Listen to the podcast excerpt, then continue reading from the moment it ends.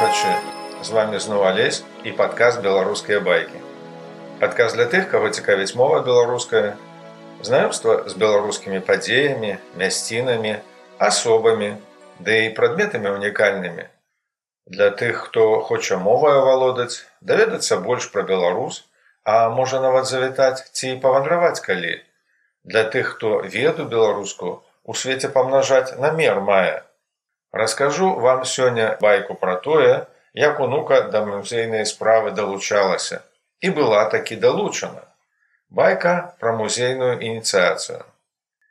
Прывітанне ўнука, раскажу сёння дзіцятка, як напярэдадні міжнароднага дня музеяў мы з матулею тваёю цябе да музейнай веры прызвычайвалі у луганскім музеі мастацтва. Як ты не ведаеш яшчэ што такое музей і пра міжнародны музейны дзень упершу не чуеш? Ты даеш унука, то слухай.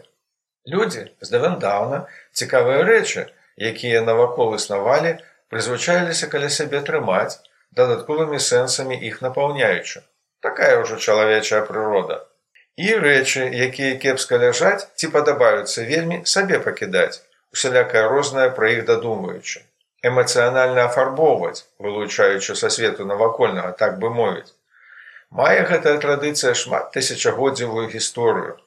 Першыя прыклады такога збіральніцтва археолагі яшчэ ў пахаваннях першабытных людзей знаходзілі сухія кветкі, камячкі чырвонай охры і зялёныя лавы, іншыя дзіўныя прадметы. З цягам часу зборы каштоўных рэчаў ды і матывы іх збірання памнажаліся. Нехта збіраў прадметы, зважаючы на каштоўнасць, багацці ўласныя памнажаючы, хтосьці ўвогуле рабаваў, чужыя каштоўныя рэчы прысабечваючы. Былі выпадкі, калі дзецям і дарослым з дапамогаю рэальных рэчаў свет навакольны вывучаць дапамагалі, абуджалі дапытлівасць і даследаванне. Хтосьці хацеў сваю прыналежнасць да супольнасці чалавечай зборамі каштоўных прадметаў падкрэсліць. Нехта намагаўся ўласны статус імі ж замацаваць.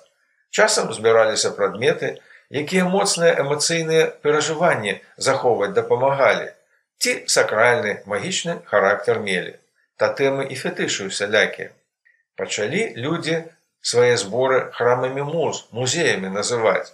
Неўзабаве з'явілася ў людзей жаданне паказваць свае зборы іншым. Пачатку сваякам і сябрам блізкім, а каб паказваць, трэба было іх нейкім чынам спарадкаваць, каб як мага большая колькасць сабранага месца свайгоднае займела Усю прастору падлогі сценаў і нават столі для гэтага выкарыстоўваць даводзілася у спецыяльных скарбцах пакоях.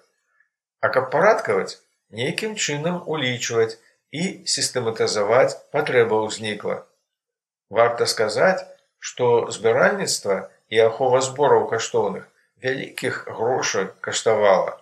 Таму найперш каралі, імператары, манастыры, ды і багацею сялякія дазволіць сабе занятак гэты маглі і ганарыліся сваімі зборамі вельмі. Потым і гэтага людзям стала мала. Патрэба ўзнікла, каб большая колькасць людзей зборы закрытыя пабачыць магла. Дзе паволі ўласнікаў, а дзе з рэвалюцыйным імпэтам дзверы музеяў пакрысе да шырокай публікі адчыняцца пачалі. Музею станавілася ўсё болей і болей. Зборы мастацтваў паасобна ад побытавых рэчаў перахоўвацца і выстаўляцца сталі. А калекцыі зброі не маглі пад адным дахам разам з прадметамі прыроднага свету знаходзіцца ці прамысловымі зборамі. Хутка музейным рэчам пад дахам цесна стала і пачалі яны пад адкрытым паветрам сабе месца знаходзіць цэлыя будынкі, вёсачкі, цэнтры гарадоў гістарычных у сваю сям'ю прымаць. Якіх толькі музеяў людзі да сёння не настваралі, магу смела сказаць, што пры жаданні у свеце музеяў зараз знайсці можна ўсё, усё, што чалавекам было створана і тое, што вакол яго ў розныя часы існавала. Ад першых сякер і цацак дзіцячых да дэвайсаў найсучаснейшых і касмічных караблёў. Ёсць такія музеі, якія сённяшні дзень музеефікуюць, не пабаюся гэтага слова. Напрыклад, мастацкія творы найсучасныя на якіх фарба яшчэ не абсохла, у спецыяльных галереях выстаўляюцца. Мільёны і мільёны прадметаў сапраўдных па ўсім свеце у музейныя сховішчы сабрана. Мільёны і мільёны наведвальнікаў, на якіх па ўсім свеце дзівіцца прыходзіць. Але і гэтага людзям мала. Найноўшыя тэхналогіі ў музеях выкарыстоўваюць сталі. У сеціве лічбавыя калекцыі рэальных музеяў размяшчаюць. Нерэальныя віртуальныя музеі з калекцыямі цалкам лічбавых прадметаў прадукуюць. Музейную справу ў шырокія масы адным словам прасоўваюць. Больш за тое, выкарыстанне дапоўненай рэальнасці і вандроўкі па віртуальнай музейнай прасторы. З кожным днём усё даступнейшымі робяцца. Людзі ж, якія музейныя справы займаюцца, аб'ядноўвацца паміж сабою пачалі. У сусветную супольнасць сабраліся што міжнародным музейным камітэтам айком завецца. Прафесіі цікавыя займелі навуку музеалогію распрацавалі а з 1977 года разам штогод святкаваць сябе і музеі вырашылі 18 траўня міжнародным днём музеяў абвясціўшых дык вось унука пагадзіўся дзеда твой не так даўна на матуліну прапанову. Скарыстаўшыся момантам вырашылі далучыць цябе да справы музейнай. А момант вось які надаўся. У бліжэйшым да вас луганскім музеі мастацтваў італійскай швейцарыі цікавую фотавыставу адчынілі. Дарэчы утварыўся музей гэты у 2015 годзе шляхам аб'яднання мастацкіх музеяў кантона тычына і горада лугана. Свае выставы музей аб'яднаны ладзіць у прыгожым сучасным будынку які ў самым цэнтры лугана на беразе возера аднайменнага размясціўся. Упершыню ў еўропу да іх са злучаных штатаў амерыкі цікавая фотокалекцыя потрапіла са збораў музея сучаснага мастацтва мома каб ты ведала ўнука музей мома быў заснаваны меней чым 100 гадоў таму у нью-йорку на манхэттане дзякуючы падтрымцу сямейства рокфеллераў зараз лічыцца адным з першых і самых прадстаўнічых музеяў сучаснага мастацтва ў свеце. Сусветна вядомыя творы Сальвадора Далі і Казіміра Малевіча, Анрымаціса і Кладамане, Пабла Пікаса, Вінцэнта Вангога і Эдзі Ворхала захоўваюцца і выстаўляюцца тут. Музей сучаснага мастацтва Мома набыў у нямецкага калекцыянера Томаса Вальтера звыш трох сотень фотаздымкаў. Калекцыя хутка была прызнана самая важная прыватная калекцыя фотаздымка ў свеце. Фокус фотаграфіі знаходзіцца паміж першай і другой сусветнымі войнамі. Калекцыя Томаса Вальтера ўключае як незвычайныя працы невядомых фотографаў, так і творы э, такіх асобаў як Джон Гутман, Анры Карце Берсан, Мане Рэй, Берніс Абот, Уокер Эванс, Эль Лісіцкі і Александр Родчынка. Дык вось унука, да чаго гэтае ўсё? а да таго, што менавіта на гэтай выставе і прайшла твая музейная ініцыяцыя. Вось як гэта было. Музейны хруст унука прыняла раней, чымся садок дзіцячы. Фота выставе з мома прысягла у луганскім храме муз, а як іначай.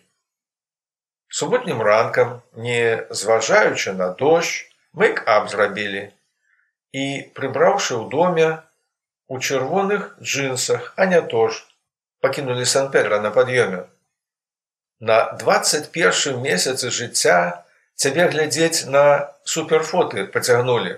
Партрэты, тэхніка, пасланні з небыцця, Баухаус у пошукі знаходак акунулі.